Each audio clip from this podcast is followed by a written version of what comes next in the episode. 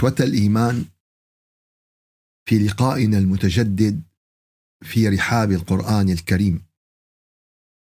كتاب الله عز وجل كلام الله عز وجل. هدي السماء إنذار السماء وعيد السماء. إيقاظ السماء لأهل الأرض لأهل الغفلة. الذين تاهوا في بحار الدنيا الذين غرقوا في بحار الشهوات الذين غرقوا في بحار الغفلات الذين غرقوا في ظلمات بعضها فوق بعض. إخوة الإيمان مخيف جدا أن يذكر الإنسان آيات نزلت قبل قرابة 1440 عاما. قبل الهجرة حتى انتهت بعثة النبي.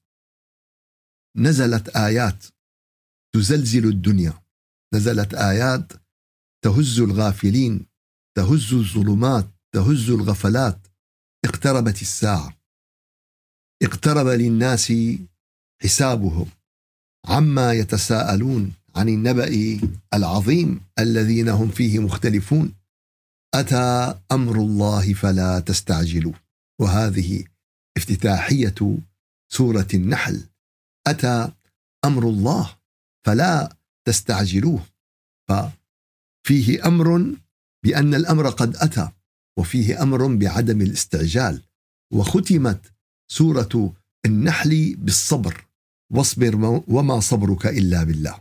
واصبر وما صبرك إلا بالله. فهذا الخطاب لمن آمن بالله هذا الخطاب لمن آمن بكتاب الله هذا الخطاب لمن تيقن بهدي رسول الله. فما بين التروي وعدم الاستعجال والصبر يكمن الخير كله. يكمن خير لا يعلمه إلا الله سبحانه وتعالى. فثق بالله ولا ولا ولا تجزع ولا تعجز. أتى أمر الله فلا تستعجلوه. أتى يعني أتى وانتهى. ثم يقول فلا تستعجلوه. يأتي بصيغة الفعل الماض. الله أكبر الله أكبر. يأتي بصيغة الفعل الماض ثم يأتي بعد ذلك بالأمر بعدم الاستعجال. وهذا للتأكيد أن هذا الأمر واقع لا محالة. أن هذا الأمر آت عاجلا أو اجلا وإنما المسألة مسألة وقت. ثم بعد ذلك ما يهمنا نحن كبشر ما يهمنا نحن كخلق لله عز وجل. خلق السماوات والأرض بالحق. خلق السماوات والأرض بالحق. تعالى عما يشركون. خلق الإنسان من نطفة فإذا هو خصيم مبين. فإذا هو خصيم مبين. خلق الإنسان من شيء لا يذكر. فإذا هو يتحدى الله عز وجل يتحدى الله في خلقه يتحدى الله في تغيير خلق الله يتحدى الله بالكفر والمعصية يتحدى الله في الجحود والنكران. فإذا هو خصيم فإذا هو خصيم مبين. ثم بعد ذلك تأتي الآيات التي وصلنا إليها. الآيات في البداية تحذر. الآيات في البداية تنبه. تنبه من حدث عظيم. تنبه من يوم كبير. تنبه من قضية ستهز الجميع. ما هي هذه القضية؟ ثم يوم القيامة. الآية 27 فلاحظوا الربط إخواننا بين بداية السورة وبين الآية 27 هذا هو الأمر الذي سيهز الناس. هذا الأمر الذي سيجعل الناس جميعهم يؤمنون. قال كل الناس بيآمنوا بالقرآن؟ نعم. كل الناس بيآمنوا بالقرآن. كل الناس بدهم يصبحوا أهل اليقين بالقرآن الكريم؟ قال نعم. ولكن المشكلة أن منهم من سيؤمن ومن سيتيقن ولكن بعد فوات الأوان. كل البشر. كلهم سيؤمنون بالقرآن وكلهم سيتيقنون بالقرآن ولكن بعد فوات الأوان ثم يوم القيامة يخزيهم ويقول أين شركائي الذين كنتم تشاقون فيهم؟ قال الذين أوتوا العلم إن الخزي اليوم والسوء على الكافرين. والحقيقة يا أحبابنا لابد من وقفة هنا أن هذا اليوم هو يوم عظيم وهو أعظم يوم في حياة البشرية جمعاء أعظم يوم في حياة البشرية أعظم لحظة في حياة الإنسان هي لحظة خروجه من هذه الدنيا ولقائه مع الملائكة. وبحسب هؤلاء الملائكة سيعلم ماذا سيحدث بعد هذا اللقاء. فهي أعظم لحظة في حياة الإنسان. أما أعظم يوم وأعظم شيء في وجود الإنسان هو يوم القيامة حينما يتقرر سعادته الأبدية أو شقاؤه الأبدي. فلا بد من أن نعرف ولا بد من أن ندرك من هم في هذا اليوم الذين سيكون لهم الشأن. من هم في هذا اليوم الذين سيكون لهم العطاء من الله عز وجل؟ ستكون لهم المكانة. من هم يا ترى؟ فرب العالمين قال ثم يوم القيامة يخزيهم. فالخزي سيكون نصيب الناس يلي خالفوا واللي أشركوا واللي أبعدوا. طيب مين هن الناس اللي بده كلهم المكانة وكلهم قال الذين أوتوا العلم. مين هدول؟ قال الذين أوتوا العلم. إن الخزي اليوم والسوء على الكافرين. فالعلم يا أحبابنا. ومعرفة العلم. وطلب العلم. فالنبي عليه الصلاة والسلام بين فقال ليس مني إلا عالم أو متعلم. ليس مني إلا عالم أو متعلم. فلا لا يوجد في المجتمع الإسلامي إنسان جاهل. لا يوجد في المجتمع الإسلامي إنسان لا يعلم. ومو الجاهلية إنه ما يكون معك بكالوريا. مو الجاهلية إنه ما قد يكون واحد معه دكتوراه وهو جاهل. معه دكتوراه معه دكتوراه بالفيزياء معه دكتوراه بالكيمياء معه دكتوراه بالجيولوجيا معه دكتوراه بالهندسة معه دكتوراه ولكنه جاهل بالله عز وجل ولكنه جاهل بالآخرة ولكنه يعني اليوم اختلطت الأمور على الناس من هو العالم ومن هو الجاهل؟ طبعا هذا العلم علم محمود وعلم مطلوب وعلم مرغوب ولكن العلم الأهم والأجدر العلم الذي هو فرض عين على كل واحد فينا. قال الذين أوتوا العلم إن الخزي اليوم والسوء على الكافرين. فبركة العلم النافع لا تنقطع حتى يوم القيامة. شو؟ بركة العلم النافع لا تنقطع حتى يوم القيامة وفي أرض المحشر. وين عم بيقولوا هالكلام؟ قال الذين أوتوا العلم الحكي يوم القيامة.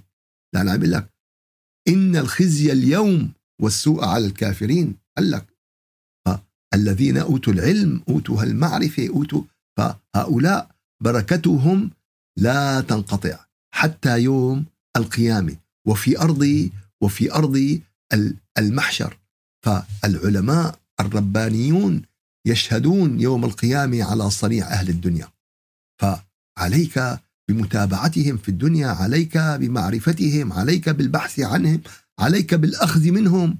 اليوم الناس تلاقيهم عم يدوروا على المطاعم عم بيدوروا مين بيساوي لهم أكل أظرف ومين بيساوي لهم كذا. عم بيدوروا من فين بيشتري أحسن بوت رياضة عم بدور وين بيروح بيعمل أحسن سياحة عم بدور مين بيعطيه أحسن سيارة. بس أما علمه ودينه وإيمانه وآخرته فهذا موضوع منتهي. هذا موضوع تحصيل حاصل. تمام. إيه يوم القيامة يدرك معنا هذه الأمور. لا والله يا أحبابنا الله يجعلنا ندرك أهمية هذه الأمور ويجعلنا ندرك عظمة هذه الأمور في الدنيا قبل الآخرة. ورب العالمين بين ذلك في سورة الروم في الآية 56 وقال الذين أوتوا العلم والإيمان لقد لبثتم في كتاب الله إلى يوم البعث فهذا يوم البعث. ضليتوا عم بتماطلوا ضليتوا عم تنكروا ضليتوا عم تكفروا ضليتوا عم تجحدوا. شو ليوم القيامة؟ هذا يوم القيامة. يا أحبابنا كل آت آت وكل آت قريب. ألم ترى أن اليوم أسرع ذاهبا وأن غدا لناظره قريب؟ عم تمضى اليوم وعم يمضى الشهر وعم تمضى السنة وعم يمضوا العشر سنين. وعم يمضوا العشرين سنة والعمر ما في دولاب وماشي. يعني دقات قلب المرء قائلة له إن الحياة دقائق وثواني. الحياة دقيقة أفدقيقة وثانية أفثانية وقال الذين أوتوا العلم والإيمان لقد لبثتم في كتاب الله إلى يوم البعث فهذا يوم البعث. ولكنكم كنتم لا تعلمون. فالذي لا يعلم القرآن سيأتي يوم ويعلم بالقرآن. والذي لا يتيقن ولا يؤمن بالقرآن سيأتي يوم وسيؤمن بالقرآن. ولكن يا أحبابنا هذا اليوم ما بينفع. الإيمان في ذلك الوقت لا ينفع. المعرفة في ذلك اليوم لا تنفع. الصبر في ذلك اليوم لا ينفع. فاصبروا أو لا تصبروا. فيومئذ لا ينفع الذين ظلموا معذرتهم ولا هم يستعتبون. ما في ما في. هلا أي واحد يقدم عذر يوم القيامة ما في. قال طيب يا أخي ليش؟ قال ما رب العالمين نبهك ما رب العالمين بين لك ما رب العالمين وضح لك وبين لك أهمية العلم وبين لك أهمية الثناء على أهل العلم. هؤلاء المتكلمون في أصعب المواقف. شو؟ لا يتكلمون يرشدون الأمة ويهدون الأمة في أصعب المواقف. ينصحون المجتمعات في أدق الساعات وفي أحلك الظروف وفي وين يا احبابنا اليوم أهل العلم؟ أصبح العلم شكل أصبح العلم أمبلاج أصبح العلم شهادة بياخذها الإنسان. وإذا دققنا يا أحبابنا في الكلمة أوتوا العلم. شو؟ أوتوا العلم. ففي علم يؤتى من الله عز وجل. في علم واتقوا الله ويعلمكم الله. ف فكل العلم هذا يأتي يأتي بركة من الله وخير من الله ورزق من الله لمن استقام ولمن استدام ولمن داوم على ما يرضي الله عز وجل. فقال أوتوا العلم. قال مما علمت. وقال وعلمناه فأوعك تغتر بعلمك. اوعى تغتر تحسب حالك إنه أنت العالم وأنت اللي بتعرف وأنت إذا طلعت حكيت لك قصيدة شعر أو طلعت حكيت لك حديثين أو طلعت درست لك مين ما كان يكون يا أحبابنا. روعة الإسلام أنه أمر بطلب العلم من المهد إلى اللحد. كل حياتك في طلب العلم. كل حياتك في طلب العلم. وكما قال الشاعر سهري لتحصيل العلوم ألذ لي من وصل غانية وطيب عناقي قال أنا أني أسهر وأنا عم حصل العلوم وأنا عم بدرس وأنا كذا أحب لي من كل الدنيا ومغرياتها وشهواتها و... أحبابنا طلب العلم وينه هذا العلم اللي عم نحكي عليه؟ وينه العلم يلي مقصود منه رضاء الله عز وجل؟ وينه هالعلم اللدني الإلهي الرباني يلي رب العالمين وصفه؟ سيدنا النبي وصفه. فقال لك العلم علمان. علم اللسان وهو حجة الله على ابن آدم وعلم القلب فهو العلم النافع.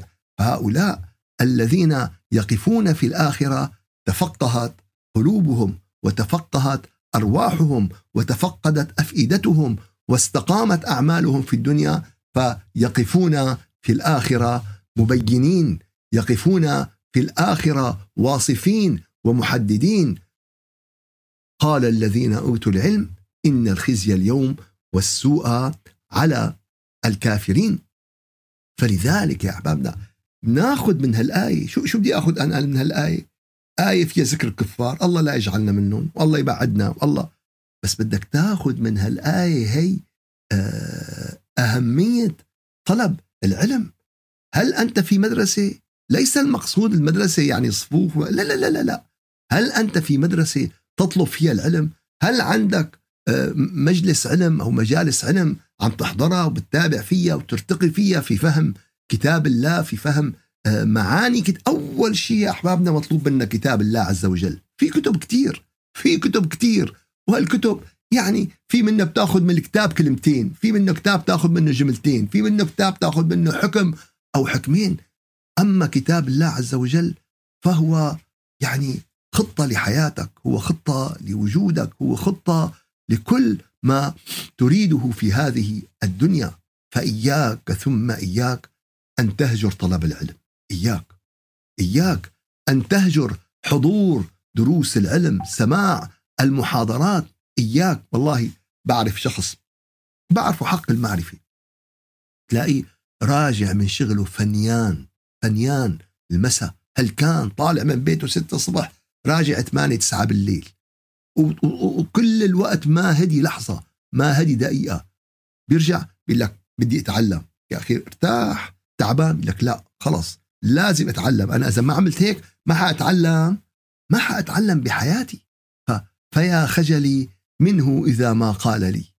أيا عبدنا أما قرأت كتابنا؟ فيا خجلي منه إذا ما قال لي. أيا عبدنا أما قرأت كتابنا؟ أما تستحي منا؟ ويكفيك ما جرى أما تختشي من عتبنا يوم جمعنا؟ ما بتختشي من عتاب رب العالمين؟ والله مقصرين يا جماعة. والله مقصرين والله خجلانين. والله مستحيين. أما آن أن تقلع عن, عن الذنب راجعا إلينا؟ وتنظر ما به جاء وعدنا؟ فآن الأوان يا أحبابنا أن نبدأ فنقرأ هذا القرآن. أن نقرأ هذا القرآن وأن نفهم ما في هذا القرآن وأن نتعلم ما في هذا القرآن. أول شيء مطلوب منك ما في كتاب الله عز وجل. أول شيء وهذا الكتاب الذي ستحاسب على ما فيه. ولن تحاسب على كتاب آخر. وأنا مسؤول عن كلامي. الصحابة على أنه كتاب بده يحاسبون رب العالمين؟ على أنه كتاب بده يحاسبون رب العالمين؟ لن تحاسب على كتاب آخر. ومنع النبي الصحابي أن يكتبوا أي شيء غير هذا الكتاب. وهكذا فعل عمر وهكذا فعل أبو بكر. فكان القرآن أهميته مكانته عظمته بين أوضاع الصحابة وباتباع وبفهم وباقتداء. فكانوا بالإيمان وبالتقوى وبالعلم بقدر ما هم بكتاب الله عز وجل. فهما وتطبيقا والتزاما حتى أصبحوا آيات تمشي على وجه الأرض وكان النبي عليه الصلاة والسلام قرانا يمشي على وجه الأرض بأخلاقه بدعوته بعلمه بتعليمه فهكذا يا أحبابنا أما إذا يوم إذا رب العالمين سألك يوم القيامة يعني إذا آه، ماذا أنزل ربكم؟ إذا سئلت السؤال ماذا أنزل ربك؟ شو بدك تقول؟ قال والله تفاجأنا ما لنا متوقعين هالسؤال هذا ماذا أنزل ربكم؟ قال قالوا خيرا كل الخير. ففي هذا الكتاب كل الفضل فيه كل الخير فيه. فيه فلاح الأمة فيه نجاح الأمة فيه منعة الأمة فيه وحدة الأمة. طيب قال اليوم لا في منعة ولا في وحدة ولا ليش؟ قال ببساطة يعني لأنه أهملنا هذا الكتاب. أهملنا هذا الكتاب حقيقة. أما تجويدا ممتازين. أما نصوصا ما في أحلى من هيك. طباعة ملونة وزخرفة. شيء بياخذ شيء بياخذ العقل. فلذلك يا أحبابنا حينما أتى أحد أصحاب النبي قال يا رسول الله علمني من غرائب العلم. شو بدي أتعلم اليوم؟ في واحد له مراء هيك شو يفوت بغرائب العلم. هي وهالقصة. فقال له ما فعلت في رأس العلم. فتطلب الغرائب. قال وما رأس العلم؟ قال هل عرفت الرب؟ قال نعم. قال فما صنعت في حقه؟ قال ما شاء الله. قال عرفت الموت؟ قال نعم. قال ما أعددت له؟ قال ما شاء الله. قال انطلق فاحكم ها هنا. خليك ركز أمورك فيما قيل لك. ثم تعال أعلمك من غرائب العلم. أول شيء هي أساسيات العلم. أول شيء هي أما والله واحد القرآن الكريم لسه ماله فهمانه. الشيء اللي أتى به الله عز وجل والنبي عليه الصلاة والسلام فنى وجوده لسه هو ماله ماله عرفان. هذا الأمر يا أحبابنا الأمر الخطير. هذا الأمر الخطير. فأول قضية بدنا ننتبه لها في الآيات التي تكون يوم القيامة أهمية العلم.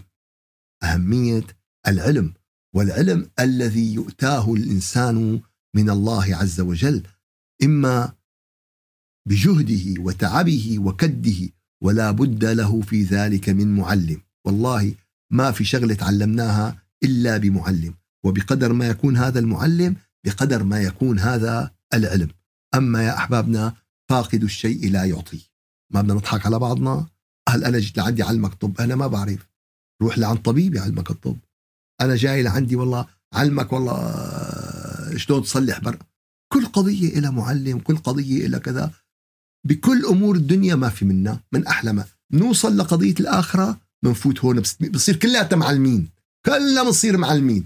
شي بيجمعوا لي حالهم ثلاثة أربعة إيه يلا. يعني آه، دير المفلس على المفلس ترى العجب. هون كذا هون بيجيبوا لك وحدة والله درسوا تفسير هيك على أساس شغلة يا رب يسر يعني الأمور. يعني بناخذنا شوي في يوتيوبات كتير وجوجل شغال وكذا. ولا حول ولا قوة إلا بالله العلي العظيم. فبعد أن بينت افتتاحية سورة النحل أهمية يوم القيامة وما سيحدث في يوم القيامة التي جسدت بأتى أمر الله بينت الآيات أن في هذا اليوم هناك أهمية قصوى. أول قضية ذكرناها يلي هي الذين أوتوا العلم ومكانتهم في ذلك اليوم. فإذا رجعنا كذلك إلى الآية رقم اثنين بافتتاحية سورة النحل ينزل الملائكة بالروح من أمره على من يشاء من عباده. أن أنذروا أنه لا إله إلا أنا فاتقون. فمطلع السورة أكدت على تقوى الله عز وجل. وبينت أهمية تقوى الله عز وجل وبينت كيف أن المهمة الأساسية التي نزل بها الملائكة على العباد المرسلين وعلى الأنبياء وعلى شو هي؟ الإنذار. أول شيء بالوحدانية. أول شيء شو؟ الإيمان بوحدانية الله. هذا الإيمان بوحدانية الله يقتضي إيش؟ أن نتقي الله عز وجل أن أنذروا أنه لا إله إلا أنا فاتقون. وإذا رجعنا إلى الآيات يلي نحن في تفسيرها إلى الآية 30 وقيل للذين اتقوا ماذا أنزل ربكم؟ قالوا خيرا. للذين أحسنوا في هذه الدنيا حسنة ولدار الآخرة خير ولنعم دار المتقين. ما في كلام. للذين أحسنوا في هذه الدنيا حسنة. قانون رباني قانون إلهي ولدار الآخرة خير. فهؤلاء الذين اتقوا هؤلاء الذين يعني عقلوا عن الله عز وجل مواعظة. ومنرد بنقول في في تعاريف كثيره للتقوى. ولكن أقول التقوى هي صفوف ومراحل تلخصها كلمات بسيطة. فعل أوامر الله واجتناب نواهي. هذا أول صف بالتقوى. وإذا قام الإنسان باستبدال كلمة التقوى بهذا التعريف يعني ألف لام ميم ذلك الكتاب لا ريب فيه. هدى للمتقين. قال طيب إذا شلنا كلمة متقين اللي صفيان اليوم إكس صفيان سين مجهول بالنسبة لنا. فإذا شلنا كلمة متقين حطينا هدى لمين؟ للذين يقومون بفعل أوامر الله واجتناب نواهي. قال هدول القرآن بهديون. قال إيوه هدى للمتقين يعني مو لناس تانين مو لناس بجوز يعملوا شغلات تانية أو والله يعملوا كذا أو هدى للمتقين الذين يقرؤون فيفهمون فيقومون بالتنفيذ وبالتطبيق فيقومون بالتعليم ثم بعد ذلك يرقيهم الله عز وجل ويعطيهم بإيش؟ ويؤتيهم العلم ويؤتيهم ويؤتيهم ومسيرة العلم يا أحبابنا. مسيرة لا تنتهي. تبدأ بهذه الدنيا وما أوتيتم من العلم إلا قليلا. والله بس إذا وقفت البشرية أمام هذه الآية يعني لك على شو شايفين حالنا؟ على شو رافعين مناخيرنا؟ تطلع بتلاقي واحد ماشي مثل الطاووس. لك على شو؟ على شو؟ لا حول ولا قوة إلا بالله. إذا كلياتنا أشي لفة كبشر وما أوتيتم من العلم إلا قليلا. فما قدرنا الله حق قدره أن أنذروا أنه لا إله إلا أنا فإيش؟ فاتقون. فكذلك الآيات يا أحبابنا. وقيل للذين اتقوا ماذا أنزل, ماذا أنزل ربكم؟ قالوا خيرا للذين أحسنوا في هذه الدنيا حسنة ولدار الآخرة خير ولنعم دار المتقين. وقيل للذين اتقوا ماذا أنزل ربكم؟ قالوا خيرا. فكتاب الله كله خير. شريعة الله كلها خير. بس اللي هي أتى بها الله وأتى بها النبي عليه الصلاة والسلام وللذين أحسنوا في هذه الدنيا حسنة فما تراه في حياتك هو انعكاس لأفعالك. شو؟ انعكاس لأفعالك. تزرع بندورة بيطلع لك بندورة تزرع بقدونس بيطلع لك بقدونس. ما بيطلع لك والله كزبرة. فللذين أحسنوا في هذه الدنيا حسنة. فأنت سيحصد عبد الله ما كان زارعا فطوبى لعبد كان لله يزرع. طوبى لعبد كان زراعته لمين؟ زراعته لله. طوبى لعبد كان والله يقوم بما يقوم به لله عز وجل. فهيا أحبابنا البطولة الحقيقية وقيل للذين اتقوا فليس ليس من يقطع طرقا بطلا. ليس من يقطع طرقا بطلا إنما من يتقي الله البطل. قال هذا هو البطل اللي بيتقي. أما والله أخي فلان طلع لقمة هيمالايا الله يعطيه العافية. نشاط حلو وظريف. قال بس هي ما هي البطولة. قال فلان طلع بطل برفع الأثقال فلان بطل بالملاكمة فلان بالمصارعة فلان. قال أعظم بطولة هي تقواك لله عز وجل. وين اليوم توزيع الميداليات للمتقين؟ وين اليوم الاحتفال بالمتقين؟ وين اليوم الاهتمام بالمتقين؟ فلذلك زهد أبناؤنا وعزف أبناؤنا ورقدوا لعند هون ولعند هون ولعند هون لأن أصبح هؤلاء مهملين مهملين حقيقة. محيدين حقيقة. فالقرآن يا أحبابنا هو الخير كله وتطبيقه هو أساس هذا الخير والإعراض عنه هو الشر والضلال. فبقدر ما تعرض عن القرآن الكريم فبقدر ما أنت في شر وبضلال وبقدر ما تقبل على القرآن الكريم وتطبق من القرآن الكريم فأنت في هداية. وقيل للذين اتقوا ماذا أنزل ربكم؟ قالوا خيرا للذين أحسنوا. في هذه الدنيا حسنة ولدار الآخرة خير ولنعم دار المتقين. فما في أروع من هذه الدار؟ ما في أروع من هذه الدار؟ دي رب العالمين شو طوب لهم طوب لهم ياها. رب العالمين طوب لهم ياها. وبين لهم ياها أن فيها جنات عدن يدخلونها تجري من تحتها الأنهار لهم فيها ما يشاءون وكذلك يجزي الله المتقين. شو؟ قيل ادخل الجنة. قال يا ليت قومي يعلمون. قال يا ليت قومي يعلمون بما غفر لي ربي وجعلني من المكرمين يا أحبابنا.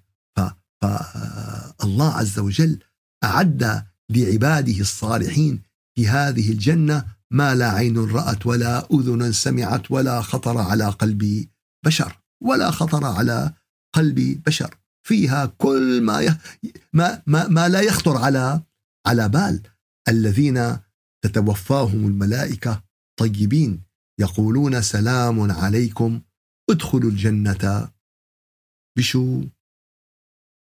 ادخلوا الجنة بشو؟ قال بما كنتم تعملون. شو هالحكي؟ ندخل الجنة نحن الذين تتوفاهم الملائكة طيبين يقولون سلام عليكم. ادخلوا الجنة بما كنتم تعملون. العمل الصالح هو طريقك إلى الجنة. العمل وفق القرآن الكريم هو طريقك إلى الجنة. وهؤلاء يعني الطيب معهم. شو؟ الطيب معهم حتى لحظة الوفاة. الذين تتوفاهم الملائكة طيبين. شو؟ فقلنا أن هذه اللحظة هي أهم لحظة في حياتك الدنيا. اللحظة شو؟ هي أهم لحظة في حياتك. فهذه اللحظة هي أهم لحظة في حياتك الدنيا. هي لحظة لقائك مع الملائكة. الذين تتوفاهم الملائكة طيبين. فالطيب معهم حتى لحظة الوفاة. فمن عاش طيبا توفاه الله طيبا. فادخلوا الجنة بما كنتم تعملون. نعم فمصيبة يا أخواننا أن ينتقل الإنسان من الدنيا إلى الآخرة وهو لا يعرف الله. مصيبة المصائب أن ينتقل من الدنيا إلى الآخرة وهو لا يعرف الله. يصل إلى الحياة الأبدية وليس معه ثمنها من العمل الصالح الذين تتوفاهم الملائكة طيبين. فطوبى لمن مات طيبا. طوبى لمن مات طيبا في قلبه طيبا في روحه طيبا في نفسه طيبا في أخلاقه. تحس يا أخي بتحس إنسان الطيبة. في واحد تاني بتحس سبحان الله. بتحسه كتلة تعقيد بتحسه كتلة رفض بتحسه كتلة يعني عكس و ولا نعني هنا الطيبة أنه بس أنه الإنسان الب... لا لا. الطيبة هي النقاء هي الصفاء. فليس في الجنة ذرة خبث. بالجنة شو؟ ما في ذرة خبث. أي شيء أي شيء عكس هذا يعني عكس الطيبة هو القبح. فأي شيء فاسد لن يدخل الجنة. يتصفى في النار حتى إيش؟ حتى يدخل إلى الجنة. الذين تتوفاهم الملائكة طيبين. طابت حياتهم فطابت أعمالهم فطاب وجودهم فطابت وفاتهم. فأتتهم الملائكة وتوفتهم وهم في هذه الحالة الطيبة. يا رب يا رب تجعلنا منهم. يا رب تجعلنا منهم. يا رب توفقنا بأعمال يا رب تجعلنا نهتدي بهديهم ونفهم عنهم ونتبع آثارهم التي تتوفاهم الملائكة طيبين لأنهم كانوا طيبين ماتوا طيبين بدون تكلف بدون أي شيء من هذا الأمر. قيل ادخل الجنة. قال يا ليت قومي يعلمون بما غفر لي ربي وجعلني من المكرمين. سبحان ربك رب العزة عما يصفون. وسلام على المرسلين والحمد لله رب العالمين إلى شرف النبي وأرواح المؤمنين الفاتحة. أعوذ بالله من الشيطان الرجيم. بسم الله الرحمن الرحيم. الحمد لله رب العالمين وأفضل الصلاة وأتم التسليم على سيدنا محمد وعلى آله وصحبه أجمعين. اللهم علمنا ما ينفعنا وانفعنا بما علمتنا. وزدنا علما وعملا متقبلا بفضلك وجودك ورحمتك يا أرحم الراحمين. يا رب العالمين يا رجاء السائلين اجعلنا من الذين تتوفاهم الملائكة طيبين. يقولون سلام عليكم ادخلوا الجنة بما كنتم تعملون. يا رب وفقنا لما تحب وترضى من القول والعمل. يا رب وفقنا لما تحب وترضى من الذكر والعبادة. يا رب وفقنا لما تحب وترضى من الدعوة إلى سبيلك ومن تعلم ما يرضيك عنا بفضلك وجودك ورحمتك يا أرحم الراحمين. لا إله إلا أنت سبحانك إنا كنا ظالمين. اللهم اشفنا بشفائك وداونا بدوائك وتولنا بلطفك يا خفي الألطاف. سبحان ربك رب العزة عما يصفون وسلام على المرسلين. والحمد لله رب العالمين. إلى شرف النبي وروح من سبقنا من آبائنا وأمهاتنا ومشايخنا ومن له حق علينا وتلامذتنا إلى دار البقاء الفاتحة.